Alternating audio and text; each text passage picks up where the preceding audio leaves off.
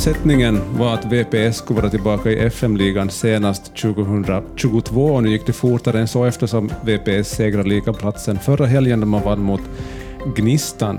VBL-sportens Jonas Nyström har jag med mig här i nyhetspodden och vi ska börja med att återkomma till en kolumn, krönika du skrev i januari i Vasabladet där du sa att om det här laget inte gör mål, mål, mål och många mål så äter jag upp min keps.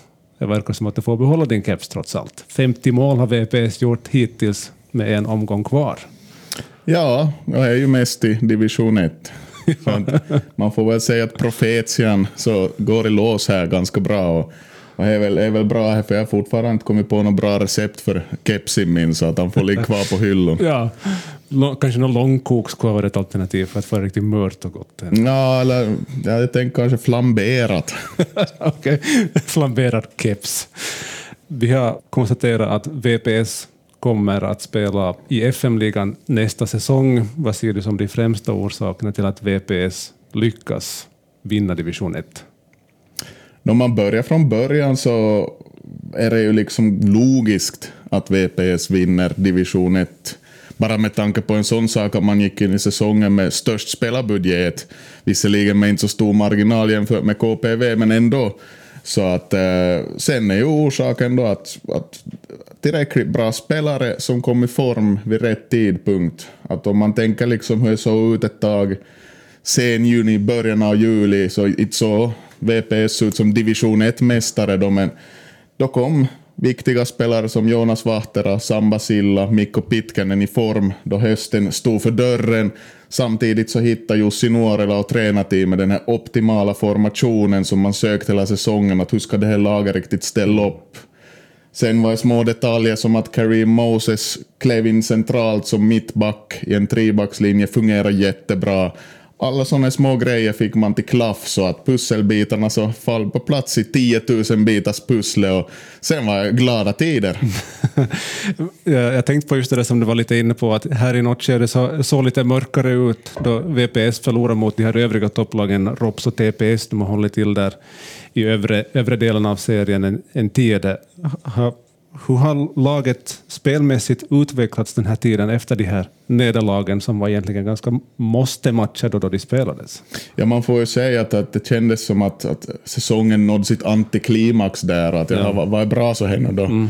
Det här, delvis så, så räddas ju VPS av att alla lag har spelat så otroligt i kors i den här serien. Det har varit det här getingboet som vi snackade om i våras, som vi förut så Å andra sidan så just det här med att de hittade formen, att då den här rätta elvan som spelar i princip alla matcher hela slutet av säsongen föll på plats. För varenda match så blev det lite bättre spel, lite bättre bolltempo, lite säkrare, självförtroende växt, försvaret fungerar, Teppo Martinen i målet var lugn och säker, han har ju varit med och avgjort division 1 förr och, och stigit, så att eh, Ja, det är just det där att, att allting kom på plats och, och man prickade in formen. Man brukar ta mästerskapsform i individuella idrotter och det finns väl en parallell där liksom att just då gällde så då var VPS seriens bästa lag. Mm som man och så också i den här senaste matchen mot Gnistan i Helsingfors. Pang, pang, pang sa jag så var det 2-0 på tavlan. Ja, jag, jag, jag hade ju nog på känn att skulle vinna den här matchen, men ja. aldrig att man skulle ha förutspått att det blir en sån där total överkörning. Och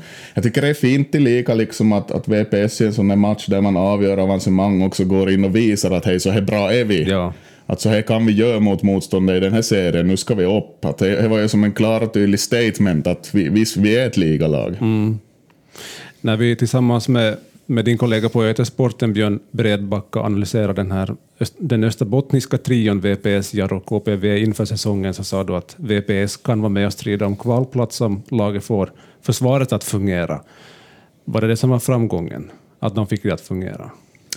Ja, delvis. Här, man provar väldigt mycket olika alternativ i försvaret och och som sagt, man hade problem ett tag då Mikko Pitkänen som värvades in för säsongen och, och var den här bollsäkra bästa mittbacken föll bort i slutet av sommaren. Lyckligtvis kom han tillbaka då och, och ja, delvis, nu pratar vi om att VPS har gjort så otroligt många mål, det är mm. också avgörande och man har vunnit en par matcher där det har blivit mycket mål åt båda hållen. Så att Men i, i längden ska ju försvaret fungera och just det här sättet på vilket det klaffar då, då man införde sin trebackslinje med wingbacks och hittade den här dynamiken på planen så var ju förstås väldigt avgörande. Mm.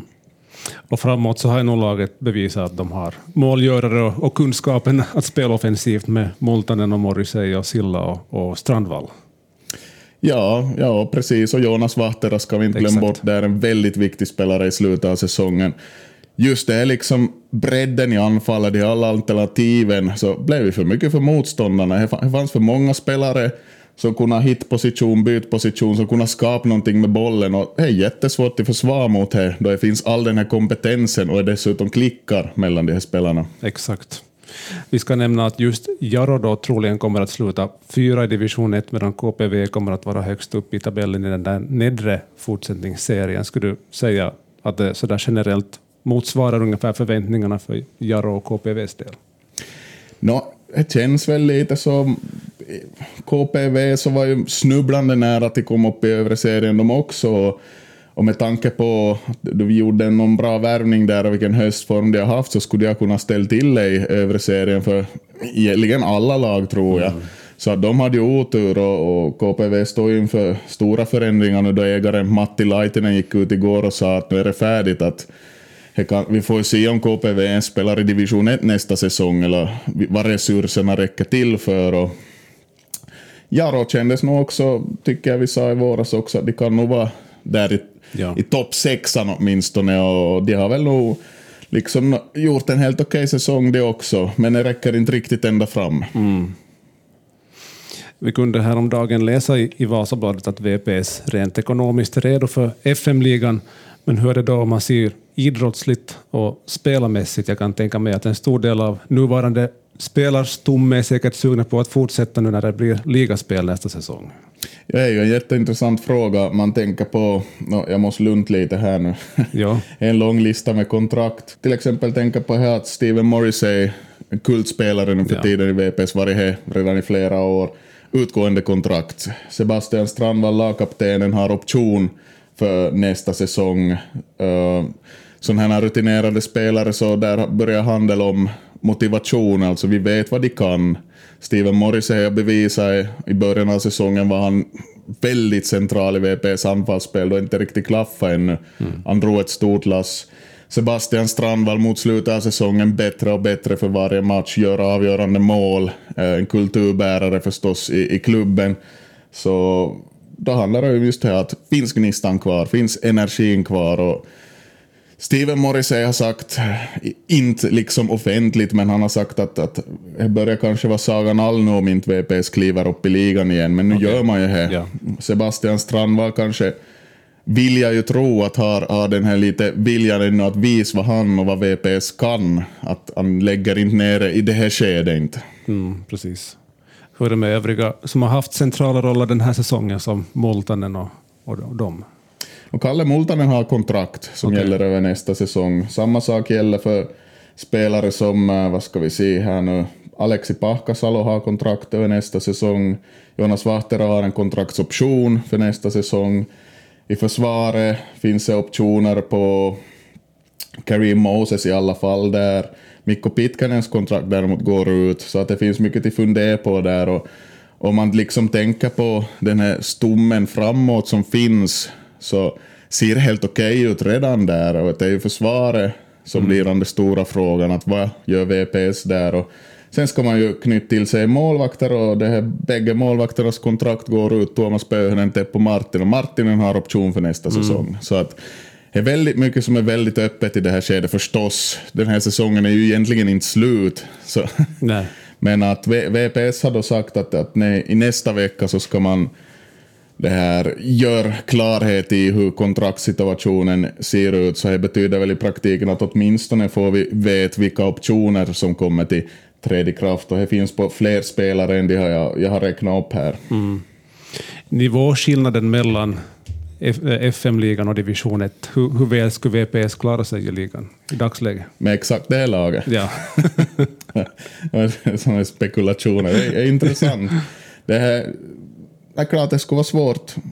Uh, är ju en sån sliten klyscha att det är lättare till stig mm. än till hållas kvar. Och vi har sett att de här lagen som klev upp i fjol så inte hade ju gjort succé direkt i mm. FM-ligan. Så det finns spelare i laget som har spelat i år som inte har erfarenhet till att börja med av en högsta serienivå i Finland, vilket förstås genast gör det utmanande. Och det blir intressant att se hur VPS resonerar med spelare, just man tänker på Riku Jäske, Lukman Kasim, som inte överhuvudtaget varit upp på den här nivån. Att vad, vad gör man med sådana spelare? Nu har väl båda optioner, skulle jag tro här, jag ska kolla ännu. Jo, Jäske har option där också och Lukman Kasim har lika så. Mm. Så det är inte så riktigt lätt till denna och sen måste man ju också fundera på att hur ska tränarteamet se ut. Att nu kommer jag inte ihåg om, om Jussi Nuorelains har den här licensen som krävs för att vara chefstränare i FM-ligan. Så så fall om man vill hålla honom kvar så behöver man ju ta in en tränare som har licensen då för, att, man, för att det ska fungera. Ja. Tror du att Nuorela är intresserad av att leda VPS i FM-ligan då? Jag tror absolut. Uh, han har väl sagt i någon intervju till och med hur, hur bra han trivs i Vasa och hur bra allting har fallit på plats här och, och speciellt nu liksom till till vara med och lyfta laget och sen inte få följa med så skulle det vara tråkigt för han, hans del personligen. Så VPS har väl redan förhandlat med honom och, och jag har han som på känn att han är nu kvar då säkert nästa säsong. Mm. Det återstår bara en match den här säsongen. Då på lördag som möter VPS Jaro i säsongens sista match i division 1. Finns det någonting längre att spela för? No, är ju heder och ära förstås. ja, ja, ja. Det är ju, är ju det riktiga österbottniska derby, för ur Vasa-perspektiv i alla fall så är ju VPS Jaro är ju en stor, stor prestigegrej. Och I år har inte VPS förlorat mot Jaro, det blev kryss i första derby i Jakobstad, det blev seger hemma och det är väl någonting man vill fortsätta med och ta, ta en seger och avslut med. Det blir förstås intressant att se nu Dels då blir det, hur blir publiksiffran på lördag? VPS säljer väl två biljetter för pris av en och vill ha dit folk och fira det här ja. seriesegern. Och, men sen är det alltid det också då, då anspänningen går ur ett lag, då, då serien är avgjord. Så det kan påverka väldigt mycket hur det ser ut på planen. Och det blir intressant att se liksom att hittar VPS den här driven igen som att ta dem till sju raka segrar nu här på hösten. Mm. Och det kan vara en av de sista möjligheterna, åtminstone på, på en tid, att se ett österbottniskt derby på den här nivån. Ja, så är det ju förstås. Att vi, vi räknar ju inte VPS SJK som ett österbottniskt derby, även om man skulle kunna kanske göra mm. det på någon vänster. Mm. Men det gör vi väl ändå inte. Det gör vi inte.